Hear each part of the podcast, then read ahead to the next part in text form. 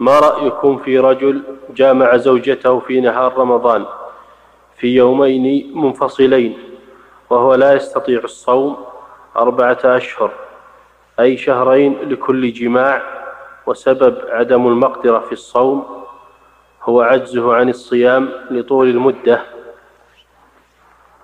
ما هو طول المدة عذر. طول المدة ما هو بعذر. إذا كان أنه صحيح, الجسم وقوي يقدر على الصيام يلزم الصيام لكن ما يصوم أربعة أشهر جميع.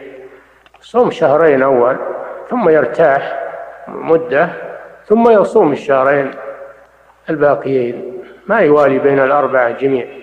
نعم. أما إذا كان ما يستطيع الصيام